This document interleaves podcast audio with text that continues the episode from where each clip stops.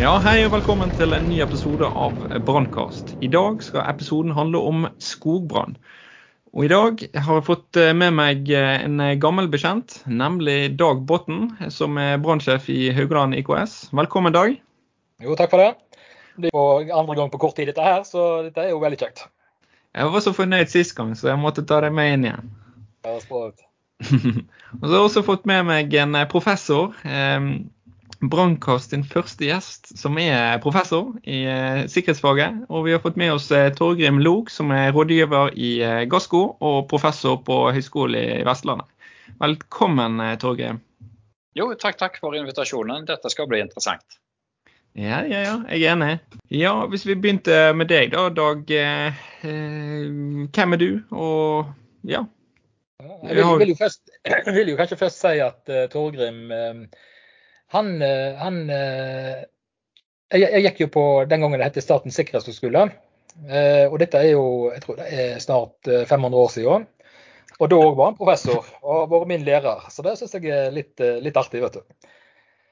Men ja, meg, ja. ja jeg er brannsjef i Haugaland brann og redning. Og er da naboen til Torgrim. For da holder, vi holder til i Haugesund. Og ja, i denne sammenhengen her, så, så, og skogbrann, så har jeg jo alltid, har jo alltid hatt interesse for, for uh, skogbranner og liker litt de utfordringene som er med det som har med skogbrann å gjøre. Ikke bare med, med selve brannen, men litt om den dynamiske uh, uforutsigbarheten som er rundt, rundt uh, skogbranner. har alltid funnet fascinerende. Uh, har jo vært med i jeg kan kalle det, skogbrannfamilien nå siden 2004, hvor jeg første gang da var borte i eh, USA på utveksling. Og vært noen turer da òg etterpå, både der og andre plasser. Og eh, finner jo ut, jo mer jeg jobber med dette, jo hvor lite jeg faktisk kan. For dette er et enormt stort felt eh, som er eh, komplisert, eh, men òg selvfølgelig da eh, veldig faglig interessant. Første store skogbrann var på, det var i Froland. Eh, for de som husker den, i 2008.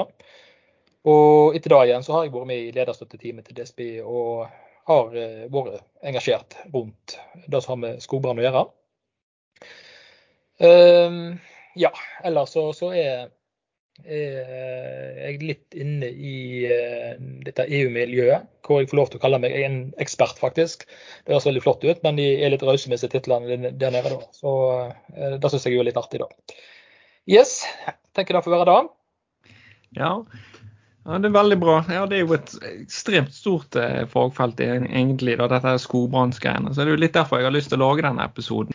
Men det skal vi komme litt mer inn på. Men hva med deg da, Torgrim? Jeg er fra Haugesund så var jeg veldig interessert i kjemi og fysikk og matematikk og sånne ting når jeg vokste opp, så jeg havna på det som heter NTH den gangen. Uh, tok, ble sivilingeniør i høytemperaturkjemi. Og så var jeg i militæret, gikk tilbake igjen og tok en doktorgrad i høytemperatur varmetransport.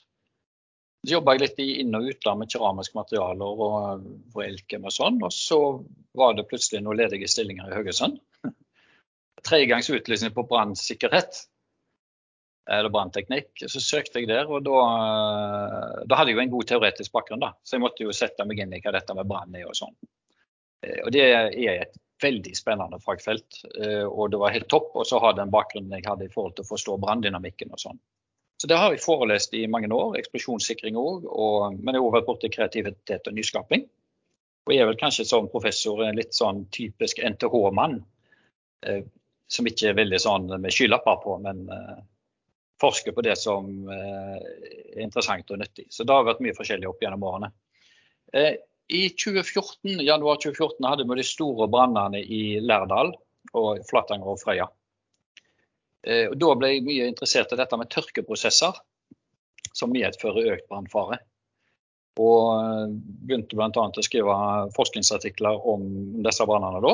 Og det som var nytt for meg eh, når jeg kom inn i temaet lyng og skogbrann og sånn, var jo dette med de enorme endringene som skjer i naturen rundt oss. Sånn, altså mye einer som gror opp, gammel lyng, mye biomasse. Og jeg skjønte at her er det mer enn en bare branndynamikk og tørking og sånne ting som er relevant.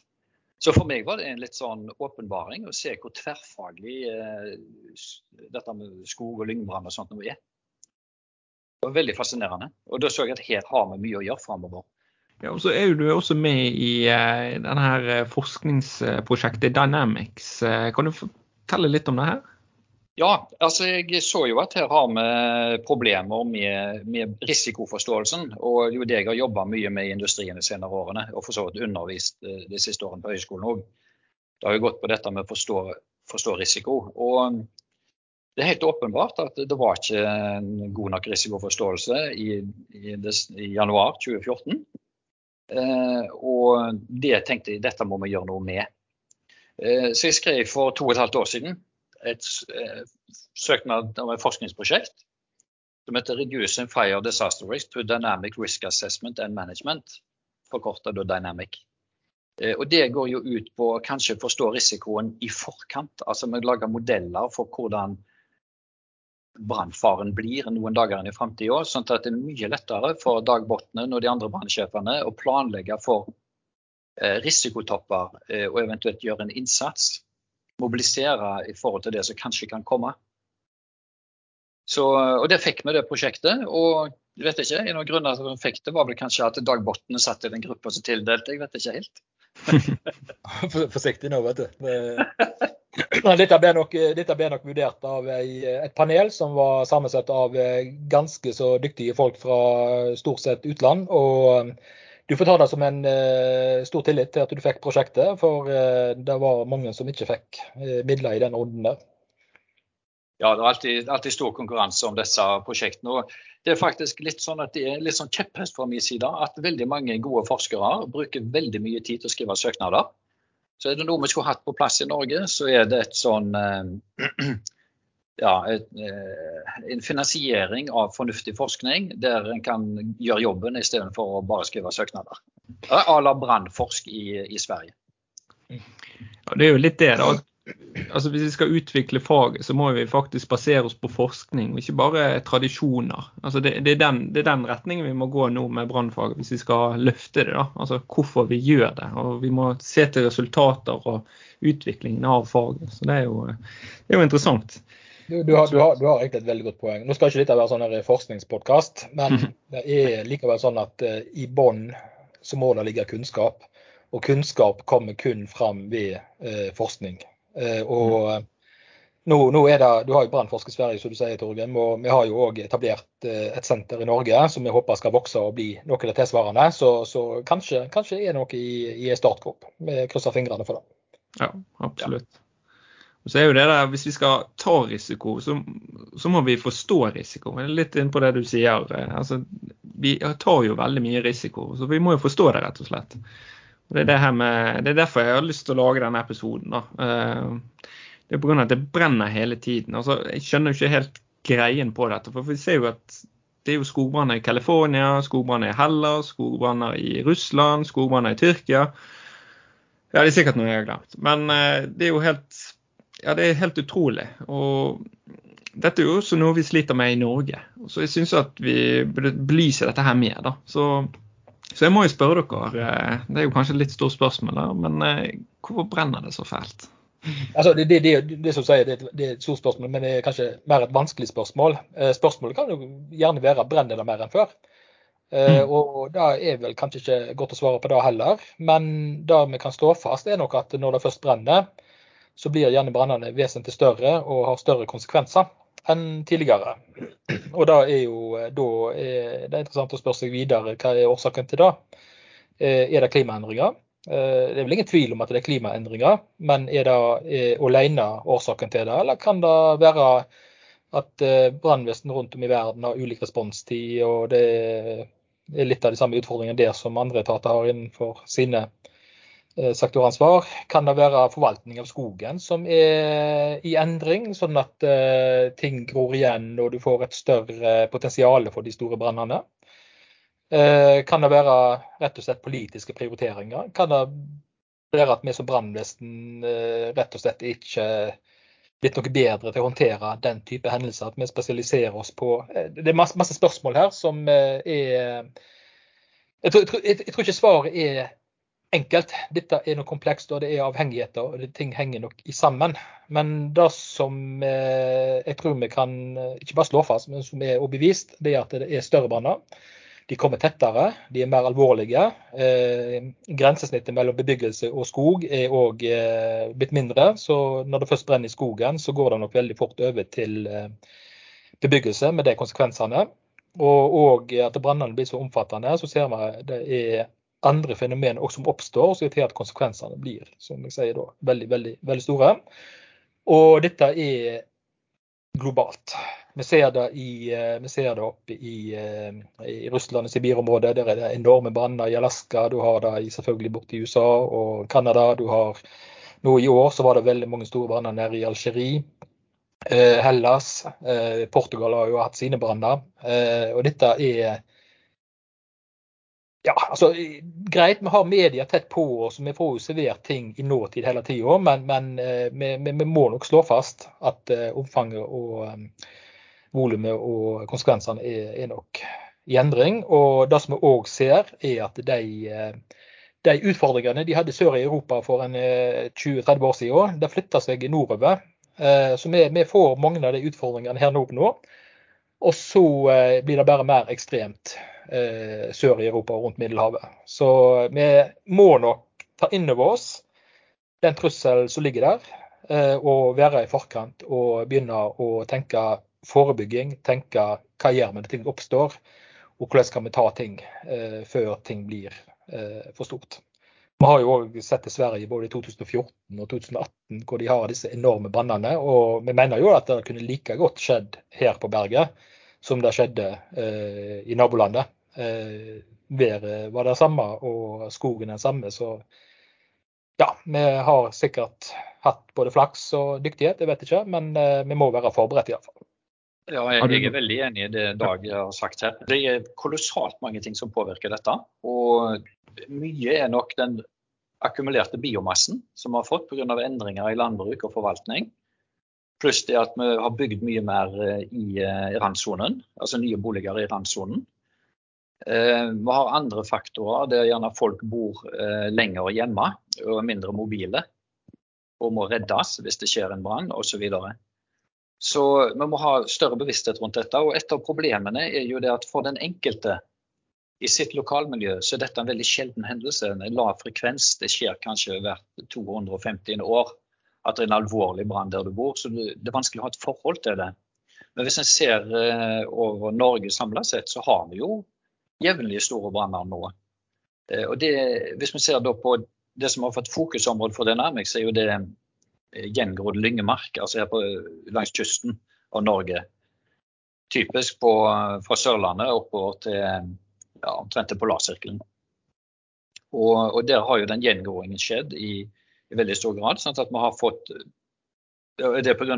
endringer i landbruks... Altså, vi har ikke sauer på beite lenger, vi har ikke geiter på beite lenger. Eh, og da gror braken opp. Det her rett ut forbi vinduet hvor jeg ser, er noen ganske omfattende brak, altså einer som vokser. Og det er klart at dette brenner som bare søren når det er tørt. Eh, på toppen av dette så kommer jo da klimaendringene, som gjør at vi får noen lenge tørre perioder eh, enn før, og våtere perioder andre deler av året. Men samlet sett så vil jo dette gjøre at brannrisikoen øker. Eh, og vi må forberede oss på dette på et, på et, eller annet vis. Og det er ikke sikkert vi kan forvente at Dagbotnen og de andre brannvesenene klarer å rykke opp kjappere. De gjør sin innsats. Vi må lete etter kanskje andre måter å håndtere problemet på. Og Da vil jo dette med å redusere biomassen i randsonen være en god mulighet. Ja, Absolutt. Du snakket jo eh, om det her med at vi er mindre mobile, vi, er, vi har mindre sauer ute på gress og, og ute i skogen. Da er det sånn at vi forvalter ressursene rett, egentlig? For dette her er jo mat og, til dyr, og det er brensel til peisen. og så her er det mye ressurser som ikke blir brukt, og så bare vokser, seg, vokser det seg opp til, eh, til, et stort problem, rett og slett. Ja, altså det er klart den, den biomassen som akkumuleres, hvis den heller hadde blitt til kjøtt f.eks., så hadde vi jo fått nytte av den, den biomassen. Og der har Vi jo, altså vi har endra landbruket totalt de senere årene. For det har jo svart seg mye mer å være ansatt i, eh, ja, i et eller i oljebransjen enn eh, å jobbe som bonde. Så der har det jo vært endringer. I tillegg er det jo veldig dyrt å sette opp gjerder og sånn.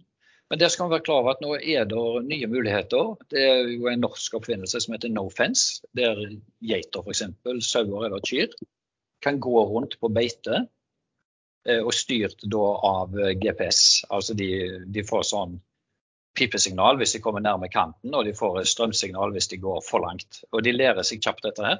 Så det er kanskje teknologiske muligheter som kan hjelpe oss framover òg.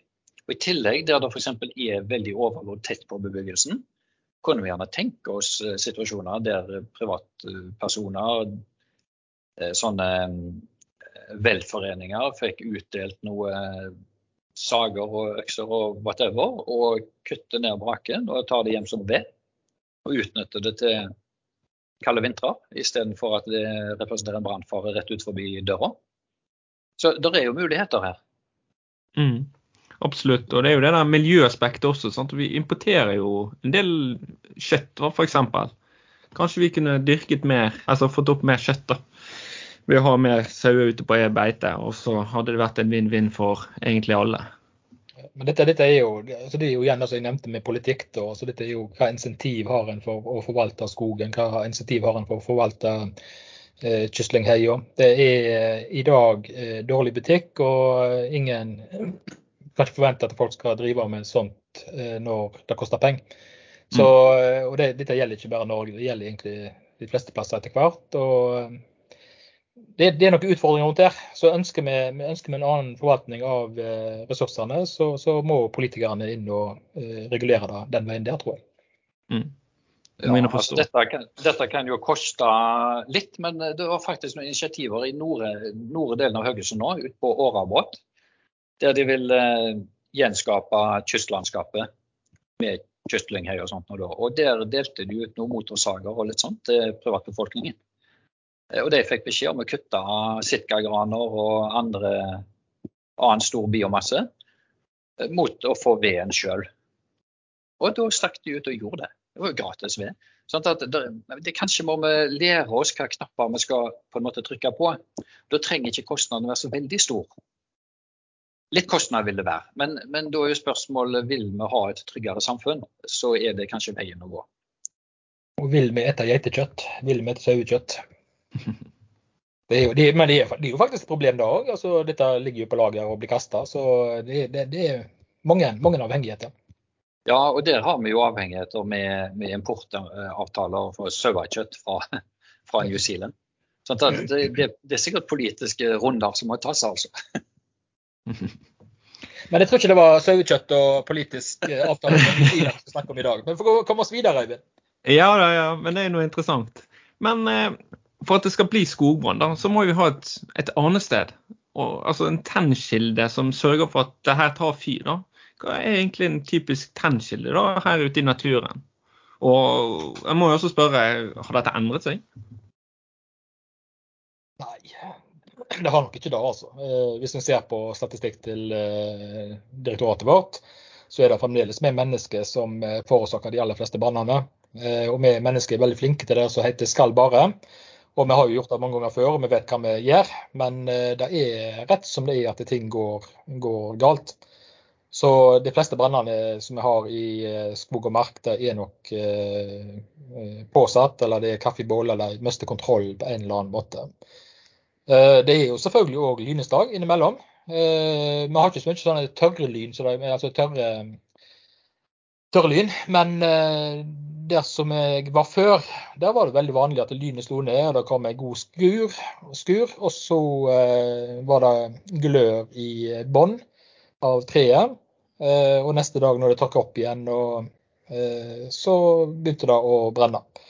Så eh, det der å ha f.eks. Skog, skogbrannflyovervåking var for oss her oppe i Hallingdal et veldig nyttig verktøy for å ta de brannene som gjerne oppsto dagen etter disse tordenskrallene som kom om ettermiddagen.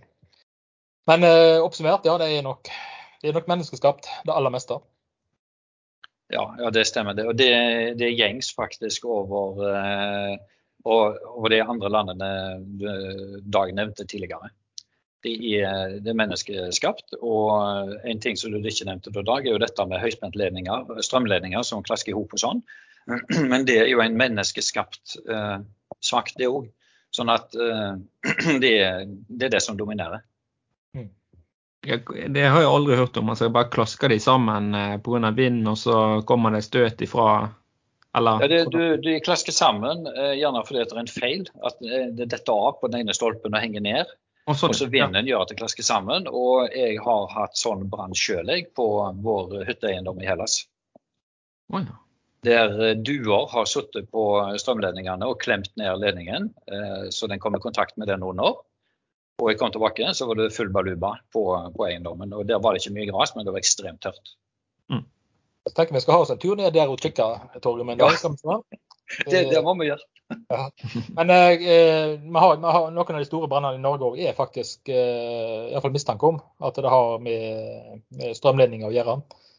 Og det kan være at, altså, Vi har jo en del vind, og eh, når vind da eh, legger tre over linja, så får du jo da eh, kortslutning. og Da kan gå ned til bakken, da, og så har du, har du det gående. Ja, og Hvis vi tar helt konkret den banen i Flatanger, så var det jo strømledningen som hadde hoppet av. Um, og, og bli, Da blir den lengre, på en måte, Da dunker den på den ned forbi. Så var det gnister. og det er sånn at Disse aluminiumsgnistene de blir så varme at aluminiumspartiklene tar fyr. Eh, og de brenner på vei ned til aluminiumoksid. Sånn at selv om det er en del meter ned til bakken, så eh, kjøles de kjøles ikke av de største. De brenner faktisk hele veien ned, og så kan de antenne på bakken. Og hvis det skjer når det er ekstremt tørt og mye vind, så har vi jo en eh, recipe for en alvorlig skogbrann. Ja, absolutt. Vi har jo vært litt inne på det også, da, men vi så jo fra Øygarden da, at, at brannen hoppet, eller fløy der over eh, et vann. Så hvordan er det mulig?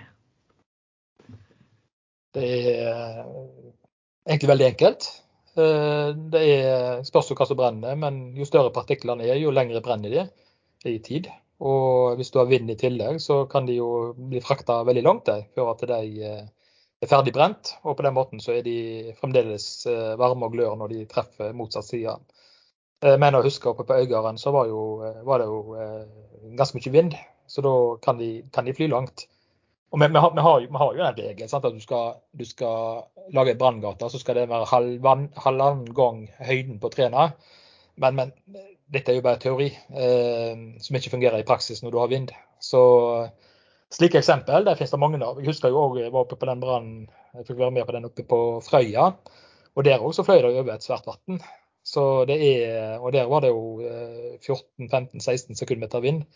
Så det er, det er helt, helt væravhengig. Og jeg ble ikke overraska, for å si det sånn. Det ble jeg ikke. Nei, og, og, når vi ser akkurat på den saken på Sotra, så var det store sitkagraner som brant oppvinds. Eh, og når du har flere store, tørre sitkagraner, eh, og du har en bakke der som ikke er stort eh, Det var veldig grunt jordsmonn, jeg har vært og målt, så det var veldig grunt, og da blir alt tørt. Så står disse store sitkagranene og lager en kjempestor flamme som får høy hastighet oppover. og Det gjør jo at disse glørne blir sendt veldig langt opp. Og Det betyr at de kan gå langt før de faller ned. Det området der sitkagranene sto, var jo, var jo, det var bratt ned til sjøen der, så de sto høyt. Så det er alle disse tingene som skulle til for å få ganske store partikler over til, til den andre sida på skrå der. Og det var vel 270-80 meter faktisk de ble transportert. Eh, og Det er kanskje noe vi ikke ville sett i Norge hvis du går 20-30-40 år tilbake i tid, for da var det jo lite sitkagrann. Da var de på vei til å bli store. Nå er de jo blitt store, så nå får vi litt eh, Vi kan få mer lignende tilstander av det som de har på de store brannene i utlandet òg her på Vestlandet. Eh, før var jo kanskje den typen branner eh, mer begrensa til de store skogene på Østlandet. Nå har vi fått den typen problemstilling her vest òg. Men eh, altså, dette her med skogbrann, det, er jo ofte et helt naturlig og et ja, bra fenomen for jord og mark, da. Men altså bra for naturmangfoldet. At eh, blir brent, alt blir brent ned slik at de store trærne får vokse seg store. og Det blir næring for, blir næring for vegetasjon. da.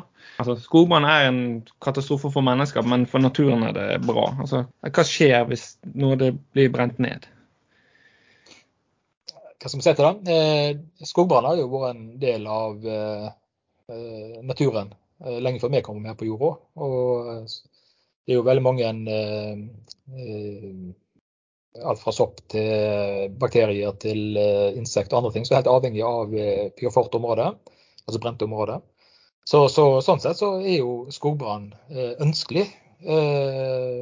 Men så er jo dette her med da ønskelig hvor. Eh, skogen har jo verdi. Vi ønsker ikke at en verdi skal gå tapt. Eh, vi har òg verdier som grenser opp mot skogen. Så vi er jo Der hvor vi skal leve i, eh, sammen med naturen, så er det her en, en balanse som er, er ganske vanskelig. Men det er jo sånn, hvis ikke vi forvalter dette her på en skikkelig måte, så, så gror det igjen. da, Så får vi brannbomber. Vi får ikke den syklusen som skal ha. Det, ja, det, det, det, det er utfordringer. Og vi, vi har nok ikke funnet en god måte å forvalte dette på, men spør du meg, så skulle vi brent mye mer eh, kontrollert, vil jeg merke, enn det vi gjør. Eh, Haugaland er jo et fint eksempel på det, hvor en faktisk eh, forvalter etter hvert kystlyngheier på en veldig fin måte. og hvor en brenner, Målet er jo å brenne 10 000 tror jeg det er, dekar eh, hvert år for å holde både vegetasjonen nede, men òg kystlandskapet ved hevd. Så, men jeg tror ikke det er bare kystlandskapet som burde vært forvalta på en sånn måte. Det er nok flere områder som burde sett tilsvarende på det. Mm, der kan jeg legge til at dette kystlandskapet på, langs store deler av Vestlandet og Sørlandet og, et stykke nordover, det ble jo forvalta med jevnlig brenning kanskje hvert 15 eller 20 år. De siste ja, 4000-5000, opp i nesten 6000 år, så har det vært forvalta på den måten. Sånn at uh, Det skaper jo da et ganske brannsikkert landskap, og det skaper et landskap som, som inneholder en del uh, ja, fugler, eh, eh, dyr eh, osv. Eh, insekter som er knytta til det landskapet og skaper en stor eh, variasjon. Videre er det jo en rekke sånne små planter som eh, trives veldig godt, som Dag nevnte, etter at det er brent. Så det å gjøre jevnlig brenning, eh, det, det, er fornuftig. Men nå er det faktisk såpass brannfarlig mange plasser. Nå, nå må vi tenke oss nøye om eh, før vi gjør det. Og det kan være aktuelt å, å gjerne drive konkret eh, kutting og fjerning av biomasse på andre måter nå. Eh, det, og det som er viktig da, det er jo Hvis en skal gjøre noe sånn, så må en ha en dialog med sitt regionale brannvesen. Dette kreves opplæring, og det finnes folk som kan det, som kan bidra. Og Det er viktig å forstå dette med tørrhet i landskapet. Det er viktig å forstå det som Dag var inne på tidligere med vind. Og vindendringer og vindkantringer. Altså Vinden skifter retning, vinden kan skifte styrke. Solgangsbris kan slå inn eh, og gjøre forholdene ganske ubehagelige. Så det er viktig å ha alle disse tingene klart for seg. Ha veldig veldig trygge og gode begrensningslinjer eh, før en går i gang med noe sånt. For det er mye farligere å drive kontrollert brenning nå enn det var for 60-70 år siden. Så det er viktig å ha godkjenning fra brannvesenet, eller i hvert fall ha en dialog med brannvesenet og de setter foten ned hvis det er åpenbart urimelige forhold. Men du har ansvaret sjøl. Jeg vil jo bare skyte inn der da, at eh, det som er, altså vi, vi har jo en, eh, en, gruppe som er uavhengig av brannvesenet, som heter eh, Lyngbrannreserve.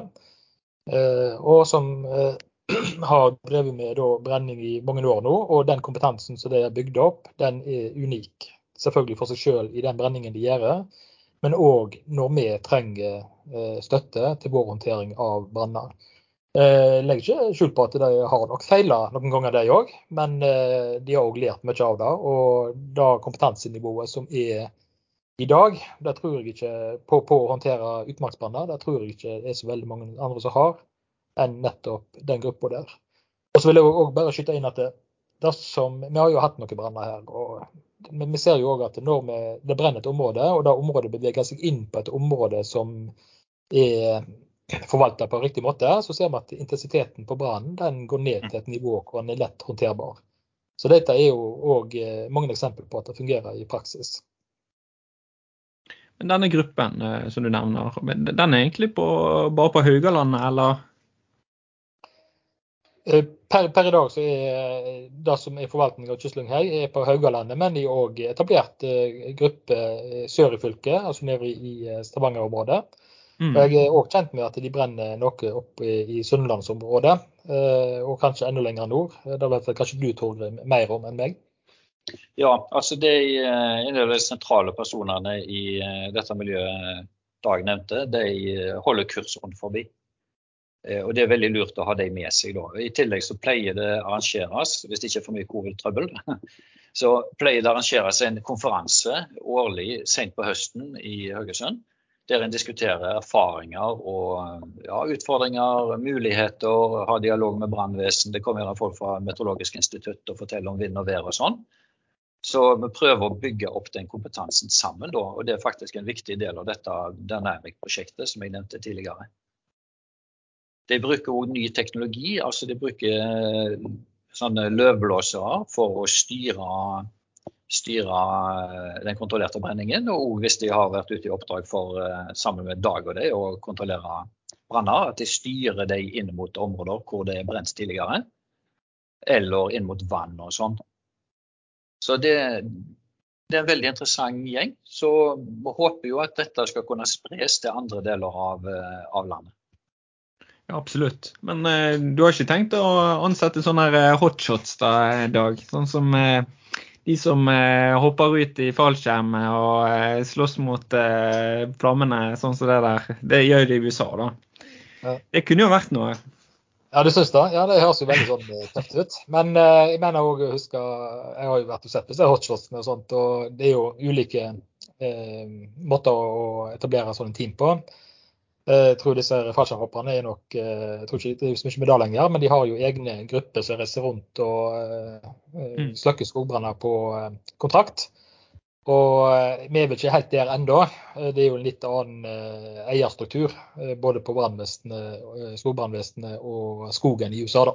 Mm. Men hva skal vi si? Altså, vi kan jo på mange måter si at den lyngbrannreserven er en hotshot for oss.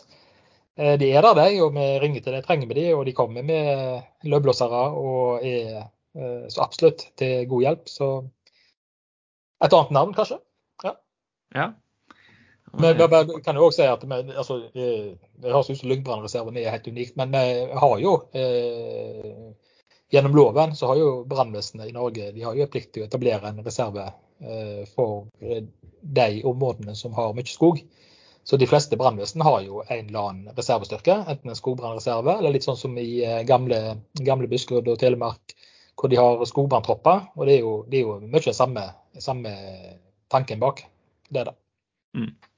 Jeg, jeg, kan jo nevne det at uh, det viser seg med undersøkelser hvordan lyngbrennerne kom i gang.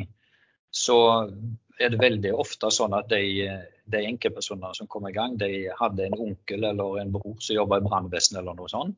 Eller de hadde sjøl gjerne jobba innenfor en brannstyrke i militæret og sånt. Noe, sånt at det, det, har heldigvis alltid vært en god sånn, dialog med brannteknisk kompetanse. Og etter hvert så har jo vi fra høyskolen kommet med i dette og kunnet gitt dem en del eh, mer eh, kunnskap, f.eks. når det gjelder dette med relativ luftfuktighet og betydning av sånne ting. Vind, vindkantringer og har hatt eh, noen ganger en del forklaringer på det der eh, forholdene som vi har opplevd som plutselig har blitt veldig krevende. Og de har gjerne vært forklarbare. Eh, og vi prøver å hjelpe dem til å identifisere disse mulighetene på forhånd, sånn at de er klar for det som kan skje. Ellers er det jo veldig interessant og hvis en kan tenke seg at det ble drevet lyngsviing lyngbrenning og beiting kanskje i områder i terrenget som gjorde det lettere for Dag sine menn å stoppe en brann før han ble kjempestor. Altså En brann som på Sotra eksempel, som får gå over lange strekninger, den lager en veldig bred, stor brannfront. Og Da er det veldig vanskelig for brannvesenet å, å, håndtere når mange enkeltbygninger blir utsatt for brann samtidig på forskjellige områder langt fra hverandre.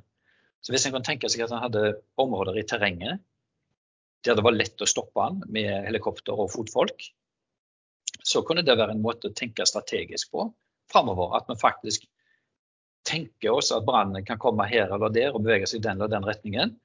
Og da er det definerte områder, slags branngater, som, som, i terrenget, der det vil være lett å, å stoppe den. Ja, Branngater som f.eks. Eh, sjø? Stein? Nei, ja, det, det kan ja. være f.eks. Mellom, eh, mellom to vann. Ja, vann. At det er et område som beites eller brennes. Eh, og at brannvesenet da etter hvert vet om disse områdene. Da må jo, tenke, da må jo gjerne brannvesenet være med i, i en mulig planlegging. Eh, vi, vi, er jo ikke der tankemessig ennå, men kanskje er vi der i framtida. For å klare neppe å forvalte hele dette området, det er så svært. Men noen utvalgte kan vi ta. Og Jeg tror òg at vi må nesten begynne å tenke der. Jeg, jeg registrerer jo at vi får eh, noen store branner innimellom, og så får vi kritikk for måten vi håndterer det på, at vi ikke håndterer det godt nok. Men jeg tenker at eh, vi er ikke i stand til å håndtere eh, veldig store branner, verken her i landet eller andre plasser. Det, det, når brannen først blir så stor, da, har vi tapt. Så det som må være svaret til det igjen, er at vi må håndtere branner. Eller litt sånn flåsete, men vi må, vi må slukke vi må slukke brannene før de oppstår. Altså Det er om å gjøre å håndtere det i en sånn bowtie-figur før hendelsen inntreffer. Eh, og da er, som blir nevnt her, Torgunn, altså eh, vernebrenning, lage gater, gode beredskapsplaner, eh, god forvaltning, politikk. Så alle disse tingene her eh, må, må, være på plass. Og så er det da, eh, når hendelsen oppstår, så må vi òg tenke hva gjør vi nå ut fra det potensialet en brann vil kunne ha. Eh, for å vente til den blir så stor, at vi ikke kan håndtere den, det, det, det er ulogisk. Eh, vi må da, Når først hendelsen inntreffer, da, så er det på med ressurser ut ifra det potensialet brannen har. Så vi, vi, må nok, vi, må nok, på rett side av Bautai-figuren eh, for å håndtere branner i framtida. Ja, det er veldig viktig det Dag sier der, at vi må å forstå den dynamiske utviklingen av risiko. Du har kanskje en brann som utvikler seg i ganske beskjedne vindforhold. Men du må tenke hva skjer nå hvis den vinden øker? Eh, og, og plan, faktisk planlegge i forhold til det. Og så får heller eh, med støtte brannvesenet hvis du da får kritikk for at de gikk på med for mye helikopter og for mye utstyr. Det alternativet er, er mye verre, altså. Ja, hva kan denne forebyggingen være da, f.eks.? Altså, ja, altså det, det, kunne jo være f.eks. dette med tenke vernebrenning i konkrete områder. Eh, og at brannvesenet støtter sikker og trygg vernebrenning. Eh, og at brannvesenet gjerne òg eh, gir innspill til politikere eh, når det gjelder landskapspleie, som vil, vil eh, styrke brannberedskapen. For det, det, er klart at Brannvesenet er jo en, det er jo en eh, det er jo noe man hører etter i kommunene hvis de uh, kommer inn i planleggingsfasen. Så jeg vet at det er initiativer i en del kommuner nå der både brannvesen og de som står for uh, sånn ytre miljø, altså landskapspleie og ja, park og parkansvarlige og sånn, setter seg sammen i grupper og kontakter Dynamic-prosjektet for eventuelle råd og innspill. Det er klart at det kan være en vei framover for brannvesenet Altså Tidligere har vel knapt brannvesenet blitt etterspurt i sånne situasjoner. Jeg mener at brannvesenet er en veldig viktig ressurs oppi dette. Det er, det er, veldig mye vi kan gjøre på det forebyggende området. Men vi snakker jo innledningsvis snakket litt om eh, kunnskap eller forskning. Eh, det der å ha kunnskap i bånn for eh, å kunne håndtere en brann er jo kjempeviktig. Det er utrolig mye, mye vi ikke vet per i dag. Vi trenger mye mer forskning på, på dette. her. Eh, det er insentiv overfor de som driver med skog, for hvordan dette kan eh, eh, forvaltes på best mulig måte. Det kan være overvåking. Mange land har veldig god, gode, god teknologi. Nå finnes det jo sensorer på absolutt alt her i verden. Så å, å overvåke ting og ta ting ved rot er kjempeviktig. Det som er en del av Dynamic-prosjektet, eller forskningen, er jo dette her med eh, å klare å gå tidlig ut og fortelle en brannsjef eller et brannvesen eh, at nå er risikoen sånn og sånn. Forstå dette her med luftfuktighet og uttørking, og forstå dette her med eh, hvordan en brann faktisk vil oppføre seg. For den vil oppføre seg ganske forskjellig fra eh, en normal sommerdag til en annen sommerdag med lav luftfuktighet over lengre tid med vind. Det, det, det, er to helt forskjellige situasjoner, men har du ikke den kunnskapen, så vil du faktisk se de to dagene som helt identiske. Men det kan være som natt og dag. Eh, eh, dette her med å vernebrenne eller forvalte området på den måten, eller plante løvskog for den saks skyld, eller dele inn i altså det, det, er masse som kan gjøres før hendelsen inntreffer. Så eh, det er rett og slett bare å sette seg ned og begynne med, med rosen, og deretter analysen for hva en kan gjøre, og hva som er kostnyttig riktig å gjøre. Har vi kompetansen til det per nå? Altså, vi sier at vi trenger mer forskning, men altså, en, en brannkonstabel og også en utrykningsleder skal jo kunne så ekstremt mye. Eh, altså, det er så mye en Ja, de skal faktisk kunne. Det er jo alt fra bil til redning til, til dykking til alt mulig. Så, så, det her er jo bare enda et fagfelt som gjør at vi må styrke kompetansen. Altså, det må jo En dag må det være nok i Altså, det, det, blir jo så mye, rett og slett. Så hva kan vi gjøre for å på en måte lære oss det?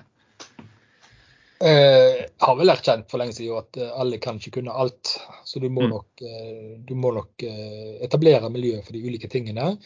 Og så eh, formidle den kunnskapen ut eh, på rett måte, sånn at brannkonstabel kan nok til å håndtere det som er innenfor hans eh, forventa kompetanseområde. Eh, viktig at kunnskap og forskning ikke er for kunnskap og forskning sin del, men at den òg blir formidla på en eh, måte som gjør til at det kan bli tatt i bruk, sånn at det blir brukeranvendelig. Men eh, det er det som du sier. altså det, det er, For brannvesenet brannvesen i dag så er det en portefølje som er enorm. Eh, og eh, det handler jo til sjuende og sist om prioriteringer. Eh, skal en, eh, skal en prioritere eh, dette fagområdet, eller skal en prioritere det ned og satse på at dette er For det handler om sannsynlighet mm. veldig mye. Nei, jeg, jeg, frustrasjonen tror jeg alle brannsjefer og brannvesen rundt om kjenner på. Det er, det er mye som skal kunnes og håndteres. Mm. Og så er jo noen kommuner som er jo litt sånn økonomisk Det er jo et økonomisk spørsmål om kan vi lære de det, det her. Sant? Og det er jo det er jo en økonomisk utfordring også med å sende folk på kurs eller få folk inn. Sant? Så det er jo Kanskje det skulle vært en støtteordning eller et eller annet som fikk noen til å komme på brannstasjoner her og der og fortalt litt om, om det her. For, for, noen så er jo det her helt uvesentlig, og så plutselig så står de på den skogbrannen og eh, f.eks. grunnkursheftet, eh, som er på en måte litt av en mal for eh, vanlig brannkonstabel, det, står jo det eh, om skogbrann, men det er ikke sånn all verden. Men det er mye bra, absolutt. Veldig mye bra, men det, det, er jo litt lite. Og det er litt sånn veldig lite egentlig i forhold til veldig mye. Så det er jo det er en, som sagt stor portefølje, og det er jo en utfordring. Ja, dette er jo òg der hvor en har altså en, en, tenker veldig ofte på konstabel og det han skal gjøre, men det er jo hele den eh, rekka fra det som konstabel skal gjøre, opp til den som skal håndtere og lede det. Eh, og hvordan en da eh, hva kunnskapen, kunnskap, en har på hvert av disse nivåene, og hvordan en klarer i en reell hendelse å eh, skalere seg opp, sånn at både konstabelnivået, mellomledernivået og eh, ledernivået er riktig dimensjonert ut fra de oppgavene som skal gjøres. Det er, men så har jeg en idé om at hvis vi klarer å håndtere en stor dynamisk hendelse, så er det da, da, da, klarer vi nok å håndtere de fleste store dynamiske hendelsene, uavhengig om det er en oljeforurensning, eller en skogbrann eller om det er en eh, naturkatastrofe. For elementene som hver og en av de har i seg, de er veldig like. Du skal styre ressurser, du skal planlegge, du skal lede, du skal kommunisere. Så, så eh, plattformen tenker jeg er ganske lik uansett, jeg, eh, av, mm. uavhengig av hendelse. Og så tenker jeg der igjen at du bygger opp spisskompetanse på de ulike områdene som en kan da benytte på tvers av brannvesen. Jeg tror kanskje det må være eh, mitt forslag til, til framtida. Mm. Altså, jeg kan jo nevne at eh, altså, mange ting har blitt bedre gjennom årene her. Eh, hvis en ser på sånne arrangementer som havnedager og sånt, hvor det er veldig mange båter i i Haugesund sentrum, så har jo brannvesenet pålagt at det blir organisert på en sånn måte at eh, det ikke er kontakt mellom absolutt alle båtene, men at de ligger i rekker. Eh, sånn at hvis det brenner, så vil det spre seg til noen få båter, og ikke til alle. Sånn at En har jo etter hvert gjennom årene blitt flinkere til å identifisere disse risikosituasjonene og, og, og, gjøre noe med det. Så det med bowtien som Dag nevnte, er veldig interessant. For det å bevege seg til venstre i den bowtien og, og tenke forebyggende, det kan, det kan hjelpe mye. Og Hvis en kommer i en situasjon der en ikke kan gjøre mer forebyggende eller ikke har gjort det, men er klar over hva risiko en står overfor om en eller to dager, så hjelper det å være mentalt klar for at blir det noe nå, så må en trykke på den store røde knappen med en gang. Bare det vil jo hjelpe ledelses, eh, de som sitter i ledelsen for mulige store hendelser. Så jeg tror vi kan gjøre en hel del. Men vi må nok gjøre det altså Brannvesenet er kommet i en situasjon nå hvor brannene er, er, mye verre pga. akkumulert biomasse. Så vi må gjøre den hjelpen parallelt, da, så å redusere biomassen. Og Det tror jeg vi kan klare å få til hvis vi bestemmer oss for det. Og, og, det kan gjøres på strategiske plasser langt inn i terrenget. og Det kan gjøres rett taktisk, vil jeg kalle det, rett rundt bebyggelsen. Eh, så ikke det står masse farlig brennbart materiale rett opp mot boligene. Eh, og Det å komme ut med informasjon da, til, til privatboliger og sånn, det kunne en jo tenke seg kanskje kunne vært gjort når en har disse eh, En går jo gjennom disse pipe altså sjekker pipene til folk. Det har vi fått gjort veldig mye bra jobb, sånn at det er mye færre pipebranner nå enn det var for en del år siden. Jeg kunne kanskje tenke seg noe tilsvarende som de har i USA, at en faktisk eh, gjorde en sånn oppgang rundt bygningene og så etter spesielt brannfarlig biomasse. Det gjøres i California. Det er jo noe vi kan tenke kanskje kunne blitt gjort i Norge i framtida. Det kan nok da være at eh, brannvesenet må ha mer ressurser, eh, og det blir jo en politisk eh, sak. Men vi kan, vi kan lære òg av andre som gjør den typen fornuftige ting. Og Da kunne vi gjerne fått folk til å redusere brannfarlig biomasse tett, tett, på huset. Jeg vil bare der skyte inn, da, så kommer jo den forebyggende delen av meg opp. Altså Hvis vi oppfordrer folk til å ta vekk biomasse nær huset så ikke, ikke, ikke brenn det iallfall. Det, har, ja, men altså, jeg ikke tuller ikke heller. for Vi mista faktisk noen hus på at uh, de brenner tørt gress eh, inntil eh, husveggen, og så tar det fyr i pappen under, og så har du det gående. Så en, eh, en, der òg må en vite hva en gjør på. Men det er klart altså, å holde, holde, holde nede det brennbare nær opp mot husene er viktig. Men ikke gjør som han uh, gjorde han ene her for litt siden. Han hogde ned alle bjørketrærne.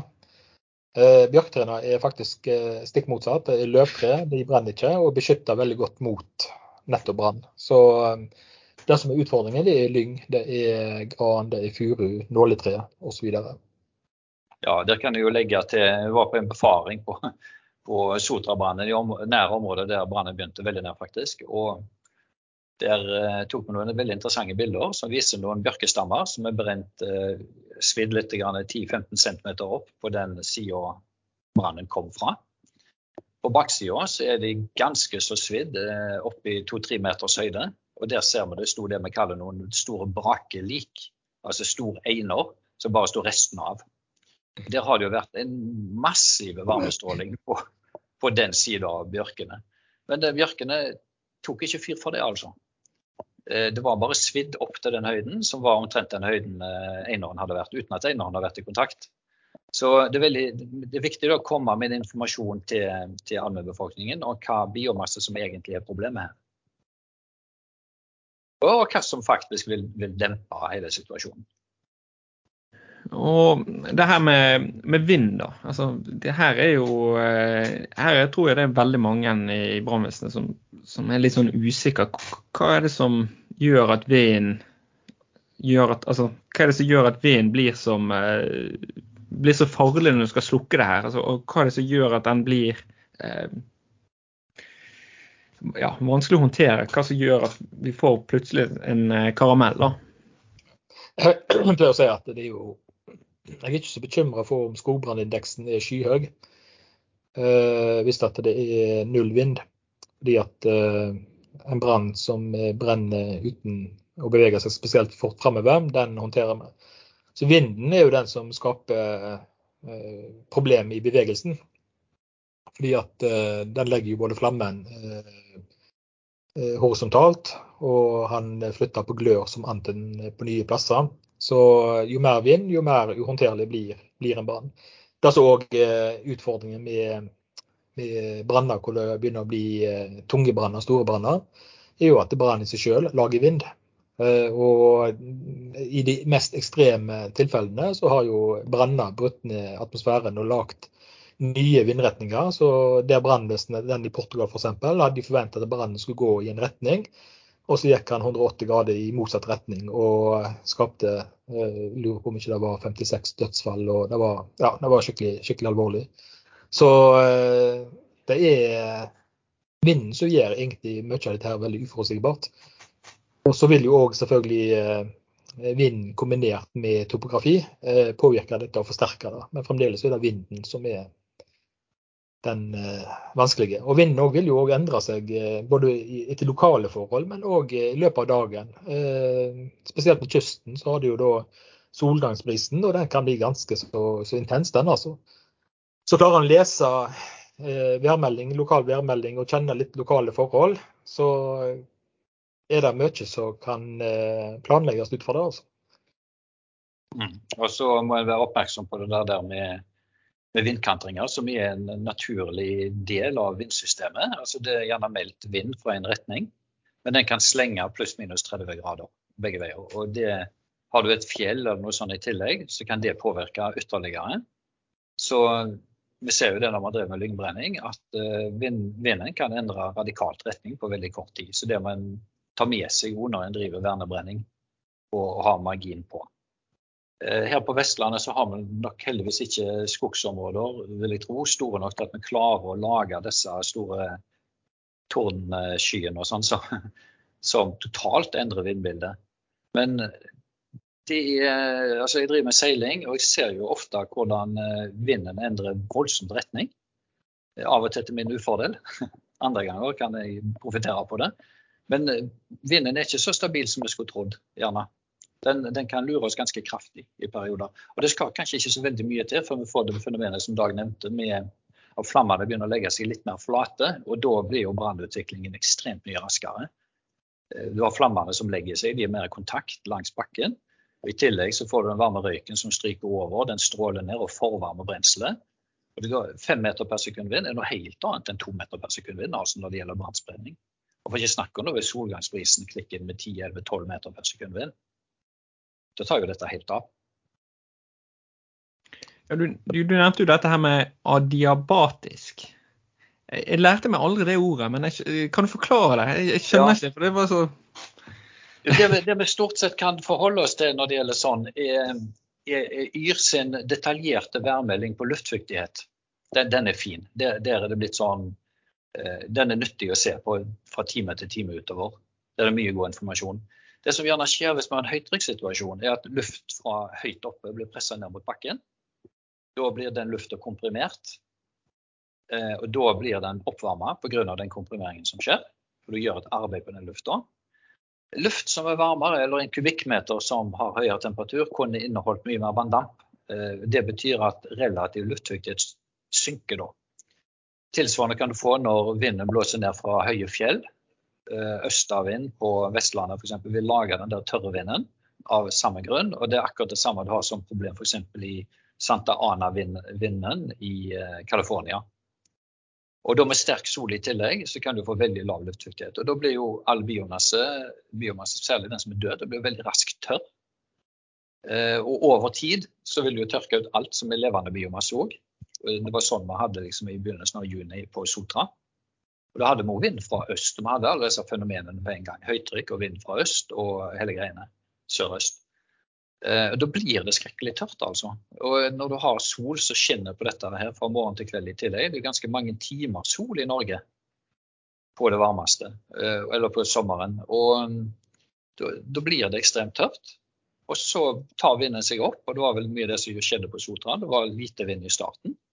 Og så tar vinden seg litt opp, og da eh, var det ikke så vidt jeg husker, veldig sterke vind heller, men da er, det en helt annen situasjon. Og så slenger vinden litt i retning, og dermed så har du brannfronter som, som, blir veldig store til slutt. Og dette er ikke lett å håndtere. I tillegg på Sotras la jeg merke til at det var, noen eh, strømledninger som gikk gjennom området. Det vil jeg nå tro har vært ikke så helt kjekt for disse helikoptrene som for der. 28 helikoptre som holdt på på en gang. og noe var massive strømledninger og noe sånt som krysser området. Så det, det er ikke enkelt for brannvesenet, dette her, altså. Det er komplisert. Absolutt. Og det er jo litt derfor vi lager denne episoden. For å avdekke litt av eh, kompleksiteten og prøve å løse det litt eh, lettere. Ja, og noe, noe, vi ikke har snakket om, det er jo dette når det er så tørt som det var på Sotra, og som det ofte kan være om sommeren i Norge, at brannen går i bakken. Og Så ligger det der og ulmer over store områder. Og mm, så kan dette blusse opp igjen på et senere tidspunkt. Eh, og da har du en helt annen vindretning, og da medfører det en ny evakuering. Sånn at det er ikke dette og, de kan si ja, men de burde passe på at det ikke er ulmer. Ja, men hvis det ulme, ligger ulmer mange plasser i fem kvadratkilometer, så sliter du litt med å finne alle disse hotspotene. altså. Ja, det er sant. Og det er jo litt den, min eneste erfaring med brann i skog og mark. Det har jo vært med på at det, det har brent under bakken. Så vi måtte grave opp brannen. Og det var flere meter ned. Så jo helt Det føles jo helt merkelig. Du får melding om at det er skogbrann, og så driver man og graver istedenfor å slukke. Så det er jo litt sånn spesielt. Men, eh, og dette er jo ikke noe jeg er eh, ekspert på, da, men, eh, men dere er eldre karer. Hvordan skal vi slukke skogbrann altså, konkret? Altså, dere har jo vært litt sånn inne på det, men hvis vi skulle oppsummere litt og, og, ta tak i det? Jeg må si at jeg skjønner ikke hva du, hva, hva du sa. Mye eldre karer, var det det du sa? Eh, nei, nei. nei, nei, nei, nei. Jeg hørte feil. Det var godt. Jeg lurte på om det var noen nye innpå som skulle si noe nå. Ja. ja. Nei, men eh, hvis det ikke var det du sa. Eh, hvordan slekker vi skogbranner, ja? ja. Uh, nei, jeg har egentlig svart på det. Før han oppstår, er det beste. Uh, Slukke skogbrann ut fra et potensial, uh, sånn at en uh, går på med ressurser som er lett overdimensjonert. Og det er en erkjennelse som jeg har i fall for meg sjøl, er at når brannen blir for stor, så, så, er jeg faktisk ikke i stand til å håndtere den og slukke den. Da må jeg eh, styre det eh, på en sånn måte at jeg tar den når eh, situasjonen roer seg ned igjen. Og da gjør den gjerne gjennom et døgn. Ikke alltid, men som regel. Det er vanskelig å håndtere en skogbrann klokka ett, to og tre om dagen. Men når klokka er 19, 20 og 21, så er den som regel ganske håndterbar. Så, så kanskje å bruke døgnet litt. Eh, det er der eh, som jeg gjerne bruker som begrep. Skal vi gå på brannen, eller skal vi la brannen komme til oss? Eh, hvor tid du velger den ene taktikken opp mot den andre. Vanskelig å si, men, men har du prøvd det direkte angrepet og det ikke fungerer, så bør du ganske fort, mener jeg, da, tenke mer enn defensiv håndtering og tenke på hvor skal jeg stoppe brannen, framfor å springe etter brannen tidlig, altså Tidligere så var det det med skogbrannhelikopter. Da brukte vi gjerne skogbrannhelikopter når brannen var blitt veldig stor. Eh, anbefalingen nå er å bruke skogbrannhelikopteret igjen da ut ifra potensialet. Altså er det en stor fare for at brannen kan bli veldig stor, så får vi inn helikopter så tidlig som mulig, nettopp for å ta den før den blir så stor. Det er bedre å bruke et helikopter eh, et par timer enn å bruke ti helikopter i flere dager. Så eh, er det jo selvfølgelig hvordan snakke med skogbranner? Jo, eh, vi øver på det iallfall. Eh, viktig at eh, de som skal håndtere det både på ledernivå, men òg selvfølgelig på utførernivå, at de er kjent med og forstår hvordan ting blir organisert, og er kjent med det utstyret de selv skal betjene og den ledelsen de selv skal utøve. Og trening etter trening er jo alltid et viktig nøkkelord. Jeg kan, jeg kan legge til det med dette med å jobbe i forkant. Altså Hvis vi har en situasjon der, der det har vært utført vernebrenning, eh, det har vært beiter og sånn, så er det jo fortsatt sånn at eh, det kan brenne i det området. Men du får ikke de ekstremt, ekstremt varme brannene som holder med mye, masse, mye, biomasse som ligger og gløder over lang tid. Eh, når du ikke har det, så, så går det ikke varmen så mye ned i bakken. Og Det betyr at du har mye mindre problemer med ulmebrann hvis du da har eh, mindre biomasse oppå. Jeg må jo si på den Sotrabanen så var jeg ute og kikka litt i terrenget, og jeg har ikke sett uh, store einer så fullstendig forkulla noen gang før som jeg så der. Og, og steiner som var sprukket pga. varmebelastningen og sånn. Og når jeg så etterpå på bilder fra uh, Norge-bilder og sånn, så kan du se at det hadde vært store sånne brake eller einer, skråninger som har stått sørvendt og blitt knalltørre. Og det er klart at det har det vært mye biomasse som har gjort at det brant langt ned i jorda. Så, så hvis en eh, forvalter litt mer, landskapet litt mer sånn som ble gjort de forrige tusener av år, så, så vil ikke brannene lage det problemet heller i så stor grad. Altså vil det bli lettere for brannvesenet å, å ikke sjekke rundt i terrenget og ta de ytterst få plassene hvor det ulmer ned i bakken. Mens nå i dag så er det så mye biomasse at eh, det blir nesten litt uoverkommelig jobb, faktisk Å gå der og slukke graver og whatever. Så vi kan gjøre veldig mye i forkant, og det tror jeg kan være løsningen. altså. Og så Hvis en òg eh, lar det gå så langt som eh, at eh, jordsmonnet brenner, så kommer det ikke gjenvekst heller. Da er du nede på stein. Du har eh, erosjon og andre ting som eh, gjør dette eh, ja, faktisk unødvendig. Eh, hadde du forvalta det eh, når det skulle forvaltes, du, du brenner det når det er brenneforhold, så, så brenner du kun vegetasjonen og jordsmonnet der består, og du får ny tilvekst. Så det, det er nok viktig også å begynne å ta i bruk gammel kunnskap og fornye den. Mm. Ja, dette er jo faktisk noe som diskuteres over hele verden nå. Der vi de ser hvordan aboriginerne brant i, tidligere i Australia. Det begynte å trekkes inn igjen. Eh, og det samme er det hvordan indianerne eh, holdt landskapet i hevd i, i, USA. Og så er det selvfølgelig noen plasser hvor det aldri har vært gjort, men eh, der har kanskje brannene da kunnet gått sin, sin gang. Og så har de vært veldig enkle å slokke når de kom ut i dette det man kan kalle kulturlandskapet. Eh, men, men, også dette med slukking. Det er jo mange som bruker sånne her eh, skogbrannpisker. da. Jeg vet ikke om det er det det heter, da, men eh, jeg har jo sett noen bruke det her. Og jeg må jo få en avklaring. der. Skal du drive og slå med det, eller skal du drive og dra de langs baken? Det er ikke sant.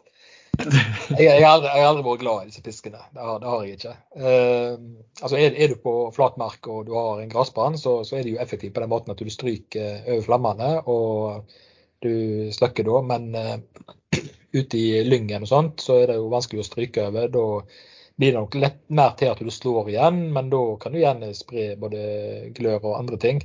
Det, det som vi bruker i all hovedsak nå, eh, det er jo disse løvblåserne. Du blåser, du blåser dette inn i svart sone, som vi kaller det. Altså du blåser glør og flammer. Eh, det dør ut pga. både eh, Eh, lufttrykket, men òg eh, eh, temperaturen på lufta. Du dreper brannen, og så går du gjerne over med vannkanne etterpå i randsonen. Fungerer utrolig bra. og Det er jo en teknikk som eh, eh ja, jeg, tror de utvikla den eh, på det skogbrannakademiet nede i Florida, og er jo tatt i bruk i hele verden etter hvert. Så iallfall den metoden fungerer veldig bra på branner som er på bakken her, her i Norge. Men selvfølgelig er brannene oppi i høyere tre og sånne ting, så må du ha helikopter for å få det ned på bakken før du kan bruke den, den metoden. Men det er, nok, det er, nok, den veien det går. Så skogbærfiskene, de eh, her, her, i Hallingdal, som jeg nå, sitter akkurat nå, så brukte vi skogbrannfiske når vi hadde skogbranner, og da grilla vi pølse på dem. De var utrolig bra til det. Det skal de ha. Ja, jeg har nå sett det på en hver eneste, hver eneste brannbil at de der piskene ligger oppe på taket. Så kanskje vi skal bytte det ut med disse her, eh, hva var det du kalte det, hårføne, eller? Løvblåsere heter det. Løvblåserne. Nei da, men det, det, er jo bra. Det er litt det prinsippet med å, å bruke brann mot brann, i teorien. Eller vind, det blir jo vind mot brann, styring av brann. Ja. Mm. Ja, altså du kan se det sånn, hvis, hvis du ser på disse løvblåserne, så er det sånn, du kan tenke selv at du blåser litt på en grill. Eh, da, jo glø, da, gløder det jo mer, ikke sant? det kan brenne bedre. Men når det kommer opp i eh, altså Til slutt så får eh, brannen nok oksygen. og Hvis du fortsetter å øke hastigheten på den lufta du tilfører, så overtar kjølingen. Okay. Og disse, disse løvblåserne som Dag Deg bruker, og lyngbrennerne her eh, bruker, det, da snakker vi om over 100 meter per sekund i, eh, i utgangshastighet på den lufta. Og da er det klart at eh, du blåser ut flammene. Litt sånn som du blåser ut et talgalys. Eh, men så må du, få, du må etterpå gå over med vann, fordi det kan ligge og gløde. Eh, så, men de, de, er veldig effektive. Mm. Nei, vi har jo en som har brukt uh, disse løvblåserne som hårføner, som du sier. Han, han, han, har ikke hår i dag. Så jeg, jeg vil ikke anbefale den brukeren. Det, det, er kraftige greier og det, det, er kraftige saker. og det kan Ytterst konsekvens kan det være, være farlig om du treffer noen med, med, med det. Og du kan kaste opp steiner og sånn, så det er fryktelig viktig å bruke verneutstyr når man holder på med disse. Ja. Og, eh, og, hørselvern og sånn. Så, så. Men det er jo sånn at en lærer seg etter hvert å behandle på en trygg måte. Men hva er det vi skal, Når vi er på skogbrann, det er jo ikke akkurat sånn at vi skal bruke med disse her rustningene, rustningen, da. Altså, hva er det vi går med på en skogbrann? Hva er egentlig vanlig bekledning? Er det med luft? Går vi med luft også, eller bare for å svare? Ja, nei, det, det det er jo at det, det, er jo Ofte når det er skogbrann, så er det ikke bare brann som er varm, men det er jo gjerne på varme dager. Så vi må jo tenke òg på egen helse og ha masse drikker tilgjengelig, og tenke at eh, de tjukke eh, skal beskytte oss mot varme. De holder jo òg kroppstemperaturen høy, så det er jo ikke egnet for eh, eh skogbrannhåndtering. Så det vi anbefaler, er jo eh, gode kjeledresser som er, har flammemotstand, eh, ikke brennbare. Uh, og gjerne, så De fleste brannvesen har jo nå disse gule draktene. og De er jo veldig fine på den måten at uh, hvis du har helikopter inne i innsats, så er du veldig godt synlig på bakken i forhold til dropp og den biten der. Uh, går du i disse røykdykkerdraktene, så er du nesten usynlig i bakken og er en frustrasjon for de som skal droppe vann. Når det gjelder pusteluft og sånne ting, altså med, akkurat i dag så sier vi Eh, det får jo eventuell ny forskning si noe om, men vi sier at eh, filter, eh, altså sånn vanlige støvfilter, for det er jo partiklene som er det største problemet, mm. da bruker vi, men unngår selvfølgelig å stå, stå midt oppi det. For det er jo i bakken der, hvis du har ulmebranner eller det brenner i mosen, så er det jo CO. Uh, og jeg har jo hatt eksempel på CO-forgiftning hos mannskap uh, som har vært på skogbrann. Men uh, en skal jo ikke stå oppi det, en skal jo stå bak, bak brannen. Å stå foran en brann er heller ikke å anbefale. For én ting er jo røyken, men alle vet jo at får du den røyken på deg, så mister du sikten. Og så skal du da orientere deg ut av et område, så er ikke det enkelt. Så en må, en må tenke litt på sikkerhet. Mm. og prøve å ikke bli eksponert, tenker jeg. Mm. Ja, um, så hva skjer framover, egentlig? Hvordan uh, ser fremtiden ut for uh, skogbrannbekjempelsen i Norge? Ja. Nei, men altså det, det, det er en sånn uh, erfaring over hele verden nå at uh, vi må gjøre noe gjerne med landskapet rundt oss. Og uh, vi må gjøre noe kanskje med At det er mange ting som virker inn, og at det er mange ting vi kan gjøre noe med.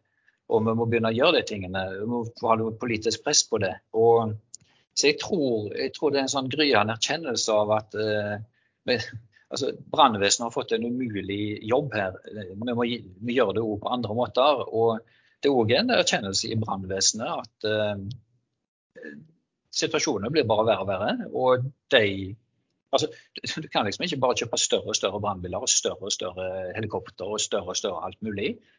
Vi må gripe dette an på andre måter, og det tror jeg alle begynner å innse nå.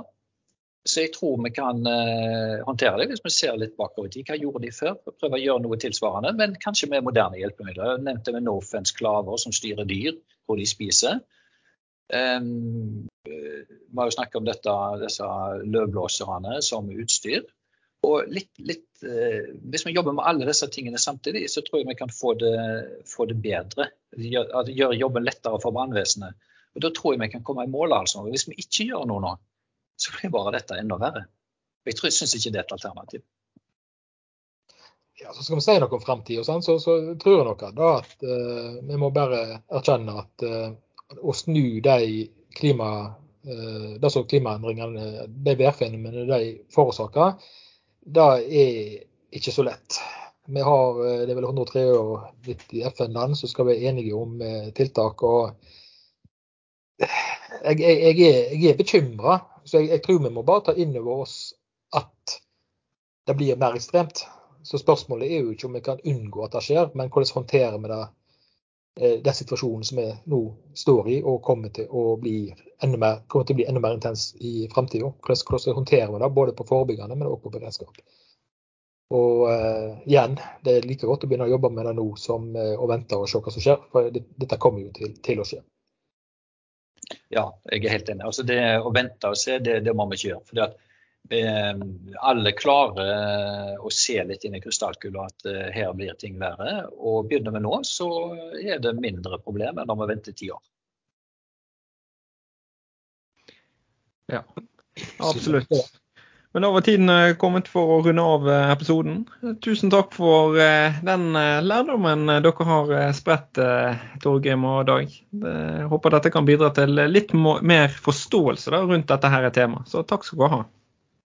Jo, takk for at jeg fikk komme. Det, jo, takk for at jeg fikk komme, jeg òg, ja. Mm. Det har vært kjekt. Ja, kjekt eh, nok en gang, eh, Dag. Så jeg håper du får komme til neste gang. bare spørre. Ja. Takk for at du hørte på. Følg oss på sosiale medier. Abonner på podkasten. Vi høres.